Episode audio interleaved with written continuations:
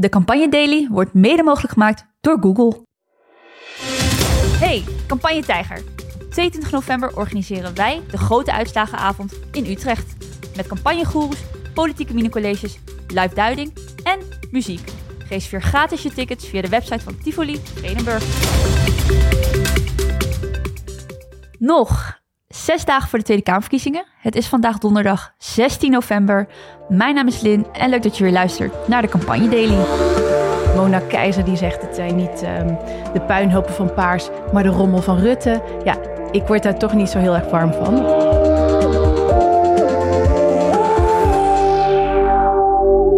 Ook vandaag zit, zit ik hier weer met twee leuke gasten. Eh, tegenover mij zit Maarten van Heems. Goedemiddag. Hoi Maarten, leuk dat je weer bent. Eh, een van de partners van BKB. Gisteren was jij bij het eh, cultuurdebat in Utrecht. Ja, Jan Paternotte, de nummer 2 van D60, was daar. ja, ja. Worden de nummers 2 eindelijk van stal gebracht? Ik hoop het, er mag wel veel meer. Ik was echt even eh, van me apropos om eentje in het wild te zien. Ik vond het overigens wel mooi dat D66 eh, zijn nummer 2 had afgevaardigd. Het was, zoals misschien te verwachten, een beetje een links feestje. Maar dat was ook door pech, want de VVD die aan, aan zou schuiven, die was door een scooter aangereden. Oh nee. Ehm, maar nee, mooi dat die nummer twee, nummers twee nu wat meer inzetten. Mona Keizer ook al wat meer. BBB doet het al langer. Eh, maar ik mis het wel. Er zijn echt geweldige nummers twee. Sofie Hermans, eh, pakervaring, heel veel mediaervaring ook. Waarom niet vaker inzetten? Ik mis Esma Lala. Dat zou toch de verrassing kunnen zijn van deze verkiezing. Ehm, ik begrijp dat eh, onze collega Pelle eh, haar met eh, een hele groep studenten van de BKB Academie wel vandaag gaat ontmoeten. Maar ik hoop dat de rest van Nederland ook meer van haar gaat zien. En van de andere nummers twee. Een duidelijk pleidooi om de nummers 2 een eh, groter podium te geven. Links van mij zit Eveline van Rijswijk. Welkom Eveline. Dankjewel. Leuk dat je bent. Je bent presentator, eh, politiek historicus en taalcolumnist. Wat is voor jou de meest opvallende frase van deze verkiezingen tot nu toe? Ja, ik ben bang dat het vooral heel veel tenenkrommende frasen zijn. Dus eh, eh, dingen als, eh, ja, we moeten de, de mensen niet kapot belasten van de VVD door Dylan Jezelgus. ehm, of ehm, eh, ja, we moeten niet lopen dimdammen, zegt Caroline van der Plas heel vaak, over wat iets kost. Of frases van de ChristenUnie, Mirjam Bikker, die dan zegt, ja, we moeten niet aan de tekentafel doen, maar aan de keukentafel. Eh, Mona Keizer die zegt het zijn niet ehm, de puinhopen van Paars, maar de rommel van Rutte. Ja, ik word daar toch niet zo heel erg warm van, want ja, ik vind dat toch een beetje ingestudeerd eh, allemaal. Jij ehm, beschouwt eh, voor je column bij NPO Radio 1 Spraakmakers, het taalteam als ik het goed zeg, taalgebruik in de actualiteit. We zitten natuurlijk volop in campagnetijd, in aanloop naar de verkiezingscampagne. Wat valt jou op aan het taalgebruik? Eh, nou ja, dus dat er een hoop ingestudeerd is. Ehm, wat ook wel leuk is, dat eh, op een gegeven moment kreeg Dylan Jezelkus de vraag... eh, kunt u een hoogtepunt noemen uit de periode Rutte? En zij had vooral ingestudeerd wat er niet goed gegaan was. Dus dat duurde ook echt even voordat ze zei... eh, hoogtepunt, ja, goede punten bedoelt u?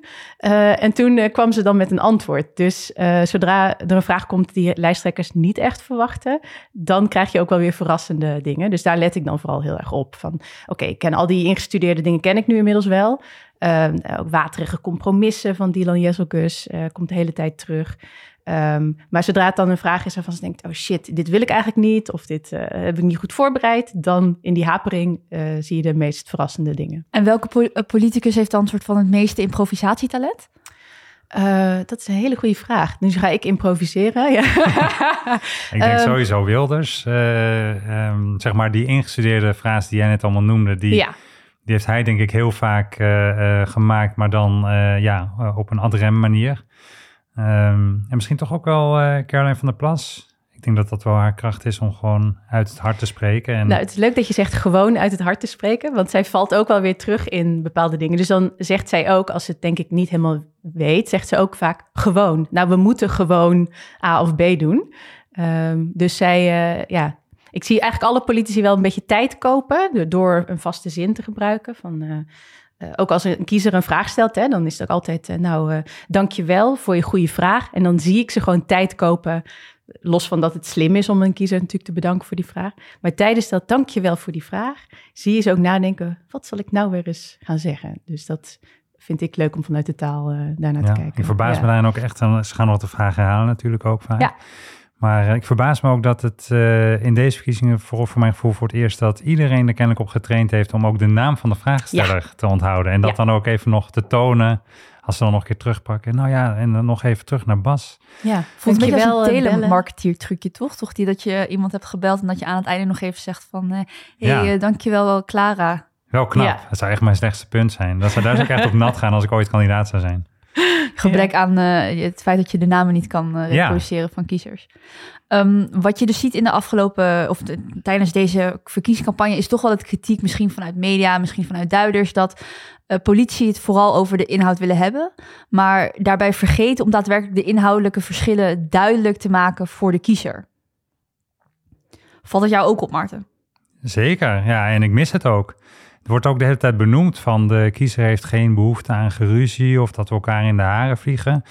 Ik weet niet, eh, volgens mij, voor zover ik weet, is geen van de lijsttrekkers afgestudeerd psycholoog. Dus ik weet niet waar ze dat inzicht in de psyche van de kiezer vandaan halen. Het wordt als soort mantra steeds herhaald en het wordt ook toegepast, want ja, ze zijn ook heel liefjes tegen elkaar geweest tot nu toe. En ehm, ik mis dat. Ik denk dat het ook niet goed is voor de kiezer. Ik denk dat de kiezer dat ook keihard heeft afgestraft door in ieder geval tot gisteren echt helemaal niet te bewegen. Dat had echt zo'n flatline in de, in de peilingen. Ja, daar komen we straks nog op dat dat eh, inmiddels doorbroken is. Maar ja, ik denk dat het voor de kiezers juist goed is als er heel scherp wordt neergezet waar de verschillen zitten. Hoef je niet schreeuwend te doen, liever zelfs niet. Maar je kan best wel, ja, je kan fel debatteren op de inhoud en de persoon tegenover je wel heel laten. En we gaan er nu wel meer zien. Eh, en we zijn bijvoorbeeld gisteren zagen we eindelijk eh felle Frans Timmermans. Ik hoop dat we nog veel meer felle Frans eh, gaan zien. Zou ik echt eh, aanmoedigen. Een leuk rapduo worden van Felle Frans en eh, Esma la la la la. Er is een precies, van haar ja. gemaakt, hè? Ja. Zou ze daarop gekozen zijn? Ja, maar ik denk ook, want ehm, eh, waar ik van tevoren heel erg veel zin in had, ik dacht, oh, eindelijk niet een campagne waarin we Geert Wilders en Mark Rutte een soort slechte therapie zien hebben, waarin ze elkaar weer allemaal dingen verwijten van Rutte 1, hoe het mis is gelopen. Ehm, dus ik dacht, nou, die, dat, dat irritante op elkaar ingehakt, dat heb je nu misschien niet. Eh, maar het is natuurlijk wel heel jammer als eh, dat er niet toe leidt dat het duidelijk is wat, wat de verschillen zijn. Dus nu heb je en niet de felheid en niet de duidelijkheid. Nee, precies. En eh lachende derde is dan, of lachende twintigste, want zo zijn natuurlijk enorm veel kandidaten, is tot nu toe denk ik Dylan Jezilgus, die daardoor ook tot nu toe bijna niet gedwongen is om echt op de inhoud in te gaan. En wat zeer naar voordeel werkt, denk ik. Ja, dat zie je volgens mij eh, heel duidelijk. Daar gaan we straks ook eh, over de peilingen over hebben. Ehm, ik vraag me af, wat, wat zien we dan eh, wel terug in de taal die politie en politieke partijen gebruiken? Grijpen ze terug naar dingen of, of schetsen juist een toekomstbeeld? Wat Ja. zie jij daarin gebeuren? Nou, ik kwam een onderzoek tegen van politiek wetenschapper Marieke van der Velde. En zij, communicatiewetenschapper van de VU. En zij heeft onderzoek gedaan naar nostalgie in eh, partijprogramma's. En eh, je verwacht dat denk ik bij rechts eh, teruggrijpen op vroeger was het beter. Maar links doet dat ook. Dus ik heb slogans. GroenLinks, Partij van de Arbeid zegt Nederland weer vooruit. Samen kan het. PVV, Nederlanders weer op één. En ja 21, Nederland weer op de rit. Ehm, en ik denk dat dat slim is, dat, dat partijen niet een soort vage toekomst schetsen, waar je misschien wat minder bij voelt, denk ik. Maar zegt van, nou, we moeten weer terug naar iets. Ook al, en dat weten jullie denk ik ook allemaal, allebei, dat, eh, ja, wat is dat weer dan? Ja, precies. Je kan helemaal niet terug naar vroeger natuurlijk. Ja, voor Nee, mij zit daar misschien is een ook- toon van optimisme onder, maar Ja, ik denk, ehm, ja, ik denk weer en terug. Dat zijn, dat zijn twee eh, ehm, woorden die gevoelsmatig bij elkaar horen, maar waar een soort van een, het eh, optimum tussen gezocht moet worden. Ja. Ehm, dus het beroemde voorbeeld was tussen eh, Bob Dole en ehm, Bill Clinton, die tegen elkaar campagne voerden voor het presidentschap van de VS. En eh, Bob Dole in een speech zei, I want to build a bridge to the past. En Clinton meteen, eh, volgende dag, I want to build a bridge to the future. Ehm, dus dat echt zo ehm, heel duidelijk terug willen. Ehm, voor de liefhebbers, eh, hou de zendtijd voor politieke partijen in de gaten en eh, wacht tot 50 plus langskomt. Want dat hele spotje is, we gaan terug naar dit, terug naar dat, terug naar dit. Ik vond 15 keer het woord, we gaan terug naar. Ja. Ik denk dat dat echt de verkeerde kant is van inspelen op die nostalgie. Maar goed, misschien dat het aanslaat en dat ze straks toch in de Kamer komen. Maar vooral dat eh, weer, daar zit een soort van in besloten van we nemen het goede. We Ja. gaan niet zozeer zelf terug naar de jaren 50, maar we nemen wat, wat we allemaal zien als het goede uit die eerdere tijden. Dat nemen we mee naar de toekomst. En inderdaad, dan, dan weet je ook wat je hebt in de toekomst. In plaats van, nou ja, voor veel mensen al wat Volt allemaal voorstelt bijvoorbeeld uh, over de toekomst, zal misschien uh, veel te ongewis uh, voelen. Ja. Ja. En we hebben net natuurlijk gehad over misschien het gebrek aan duidelijke inhoudelijke contrasten. Maar volgens mij hangt die analyse of de vraag ook heel erg samen met zijn politici überhaupt wel begrijpelijk? En op één uh, besteden daar gisteren ook aandacht aan. En wat is dan makkelijke taal voor jou? Hans? Begrijpbare taal. ja, begrijpbare taal. Dus gewoon geen ingewikkelde woorden. Makkelijke woorden, taal. gewoon Nederlandse woorden. Ja. En dan tot iedereen het gelijk kan begrijpen. Ja. En markeert het daar vaak aan, naar jouw oordeel? Ja. Het is, het is vaak te moeilijk. Veel te moeilijk en niet te begrijpen vaak. Politici zijn veel te moeilijk en uh, vaak niet te begrijpen. Um, een aantal van de gasten kreeg dus in de zaal ook een, een belletje. Uh, waarmee ze konden rinkelen als ze iets niet uh, begrepen. En dat waren dan ook mensen die dus ervaring hebben met uh, laaggeletterdheid. Eveline, bij welke woorden werd er gebeld? Ja, ik heb het even opgeschreven. Um, dat was bij antirechtstatelijk, dat zei Henry Bontebal. Um, hij, zei nog een keer criterium, daar werd ook voor gebeld. Uh, en uh, Thomas van Groningen, de journalist die aan tafel zat, die zei nog inspraakrecht. En dat ging over de pensioenwet. En dat is natuurlijk al helemaal voor niemand te begrijpen. Um, maar ik vond dat een heel, heel goed idee dat er gebeld werd. ik las laatst dat dat ook in de Provinciale Staten van Overijssel voor het eerst gedaan is. Dat tijdens de uh, nou ja, vergadering dat dan ook mensen op de tribune mochten bellen als ze het uh, uh, niet snappen. En wat het leuke is dat politici daardoor ook beseffen van, oh, ik dacht dat criterium dat dat wel zou kunnen. Of antirechtstatelijk, nou misschien klinkt dat ook niet super moeilijk.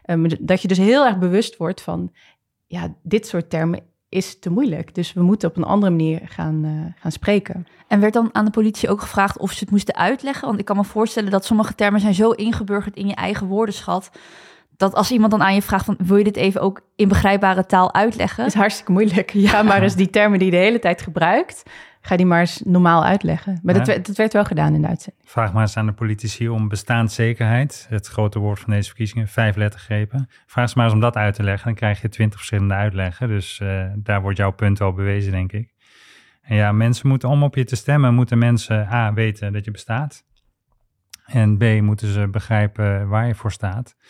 En uh, we zijn altijd heel blij met 80% opkomst bij de Tweede Kamerverkiezingen. Ik vind dat ook, als je wereldwijd kijkt, ook echt niet slecht. Maar ja, het is wel 20% niet. En ik vermoed dat er toch een uh, fikse overlap is uh, tussen die 20% en de 2,5 miljoen mensen in Nederland die laaggeletterd zijn. En met laaggeletterdheid is ook vaak nog samenhang met um, ja, moeite hebben om, om grote getallen goed tot je te nemen. Nou, precies dat is wat je eigenlijk uh, om de oren vliegt hè, als je die debatten kijkt. Uh, lastige woorden en grote getallen. En wie doet het dan wel goed? Als in welke, welke politicus is het dus dan wel goed te begrijpen door, uh, door de kijker thuis? Nou, Lilian Marijnissen, die heeft de Klare Taalprijs gewonnen. En dat is dus een initiatief van de Nationale Jeugdraad... Um, om dan een politicus die prijs te geven elk jaar of het is een paar jaar niet geweest, geloof ik, maar zij heeft hem dit jaar gewonnen. En ze heeft hem al eerder een keer gewonnen in 2020. Ja, en haar um, vader ook. En haar vader ook. Dus uh, nou ja, dus ik denk als je aan de keukentafel uh, dat ja. leert, dan uh, blijft dat, neem je mee aan, neem de, je dat mee aan de talkshowtafel. ja. um, en um, dat snap ik wel, want zij is inderdaad heel helder. Zij uh, weet ook, vindt het ook belangrijk. Ze zegt ook, ja, je moet ook gewoon vaker de straat op gaan en met normale mensen praten. Dan is dat ook goed uh, ja, voor hoe jij uh, in de politiek spreekt. En zij doet dat denk ik ook niet alleen aan talkshowtafels of bij mensen, maar ook in de Kamer denk ik veel uh, duidelijker. en nou ja, er werd ook aan het publiek gevraagd, wie vind je dan niet zo duidelijk? Dat was dus Henry Bontebal. Um, dus die dacht wel even van, oh jammer. en het bleek ook natuurlijk tijdens die uitzending twee keer dat hij te moeilijke woorden gebruikt. Maar hij is natuurlijk net begonnen, dus misschien moet hij het nog een beetje leren. Hij kan nog leren of, of afleren, hè? zal ja. het ook in voor een groot deel zijn. Ja, misschien ook nog over dat moeilijke taalgebruik. Het punt is ook, uh, politiek gaat over hoe we ons land, onze samenleving inrichten. En dat is ongelooflijk ingewikkeld. Ik bedoel, ik hou me al twintig jaar bezig met uh, campagnes in de zorg. En ik heb nu eindelijk een beetje een idee dat ik op hoofdlijnen wil weten hoe de zorg in elkaar zit. En nog word ik af en toe verrast door de dingen die ik niet weet. Dus ik denk dat het voor uh, de gemiddelde kiezer uh, en zeker voor de laaggeletterde kiezer is het gewoon heel moeilijk om tot in detail uit te leggen hoe uh, al die grote kwesties in onze samenleving precies georganiseerd zijn en welke keuzes daarin zijn en hoe je daarin soort van kan navigeren wat jij dan belangrijk vindt.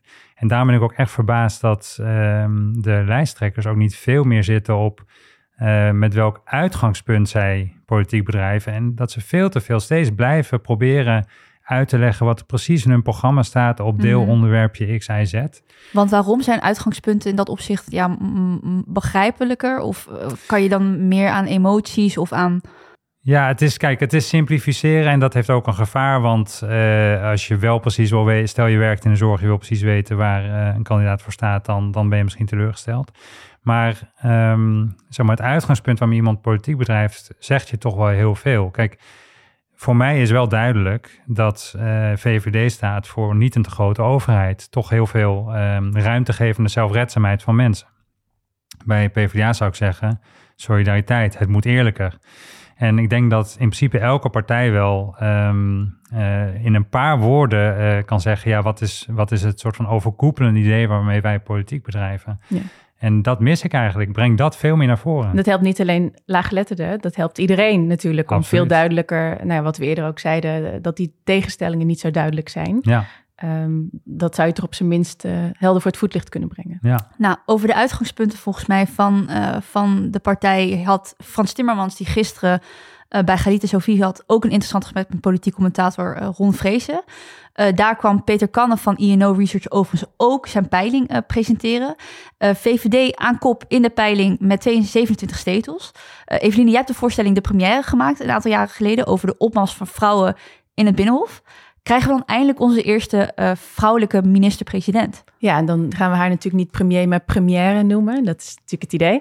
Uh, ja, de kans is natuurlijk voor het eerst in de geschiedenis wel heel groot. Dus uh, ik heb, dat was vijf jaar geleden, hè, 100 jaar vrouwenkiesrecht. En toen heb ik mensen aan het einde van mijn voorstelling ook laten briefjes laten invullen van wanneer denk je dat ze er is. En sommige mensen zaten echt ver na 2030. Dus toen dacht ik al, nou zeg, oh, wel heel pessimistisch. Future, ja. Ik hoop toch wel dat we in de jaren 20 het voor elkaar krijgen.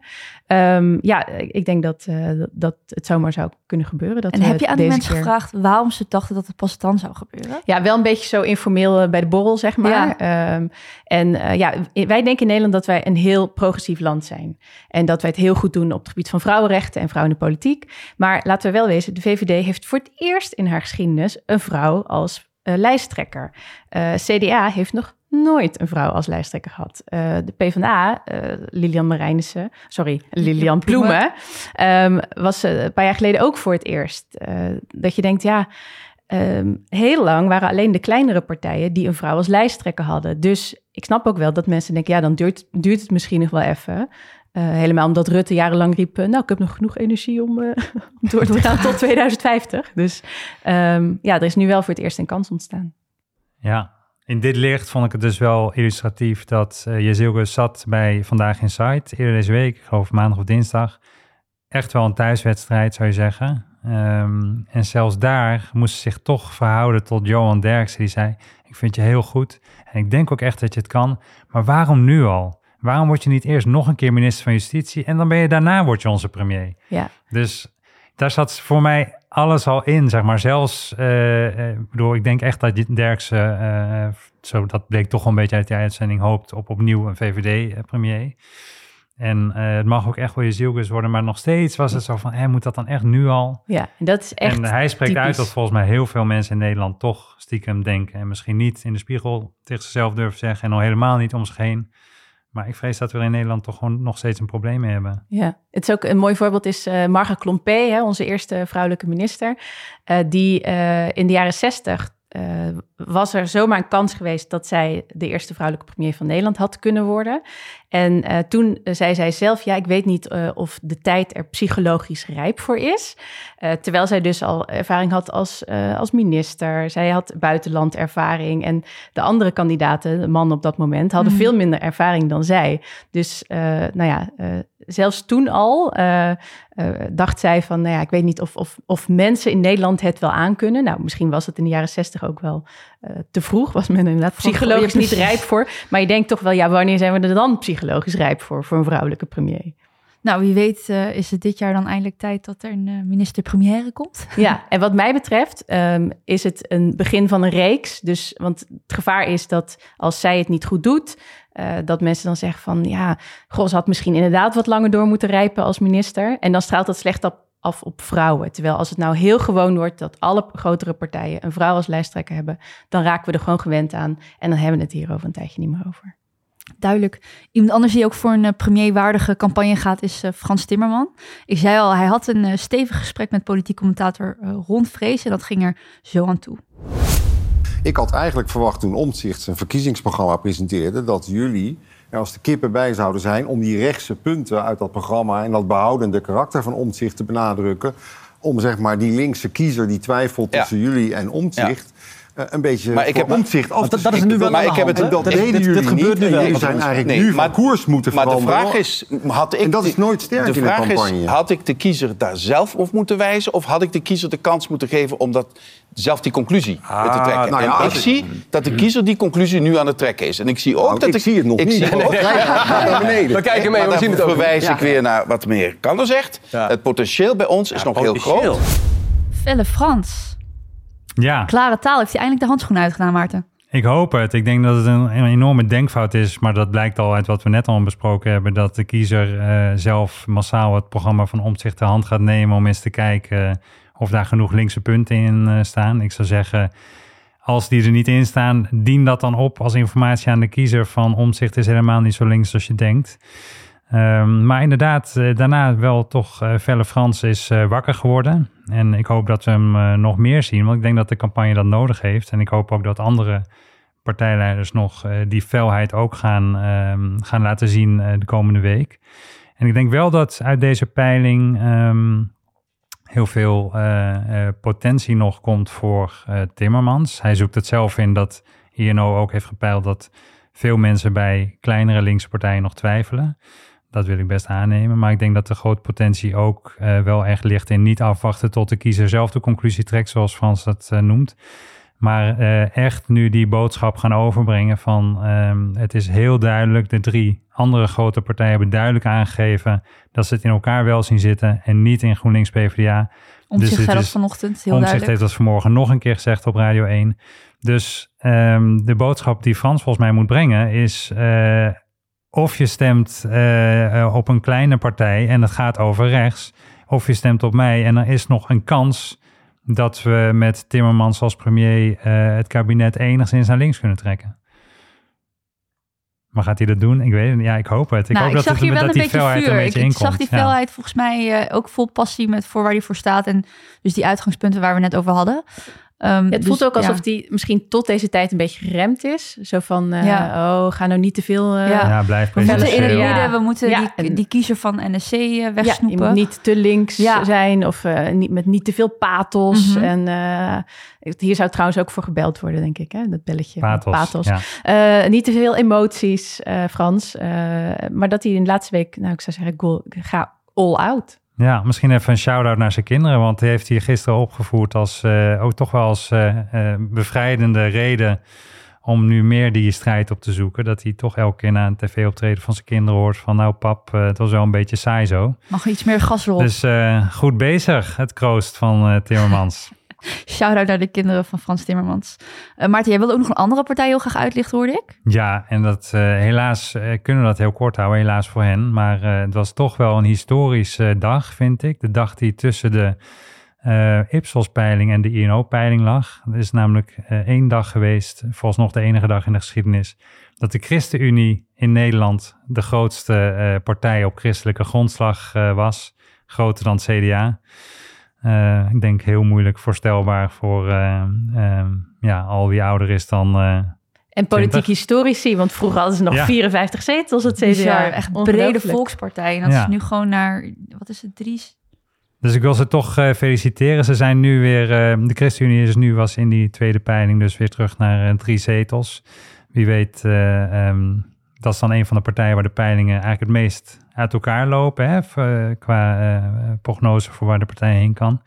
Ik eh, ben bestookt door het campagneteam met allemaal leuke initiatieven die ze nemen om de kiezer toch nog te bereiken. Een hele fietstocht van stappost naar Zwolle en weet ik niet waar van een kandidaat-Kamerlid die dus overal nog kiezers vanaf de fiets toezwaait, zo stel ik me dat voor. Ja, wie weet trekt dat ze toch naar die vijf. Wie weet, nou, mocht iemand uh, dit weekend niks te doen hebben, dan is er dus een fietstour waar je bij uh, kunt aanhaken van uh, de ChristenUnie. Dankjewel Eveline, dankjewel Maarten dat jullie aanschoven vandaag. Vergeet ons niet te liken, subscriben en vijf sterren te geven. Morgen zit ik hier met Bianca Pander en Kaman Ula, de hoofdredacteur van Telegraaf. Dank voor het luisteren en tot morgen. Tot morgen.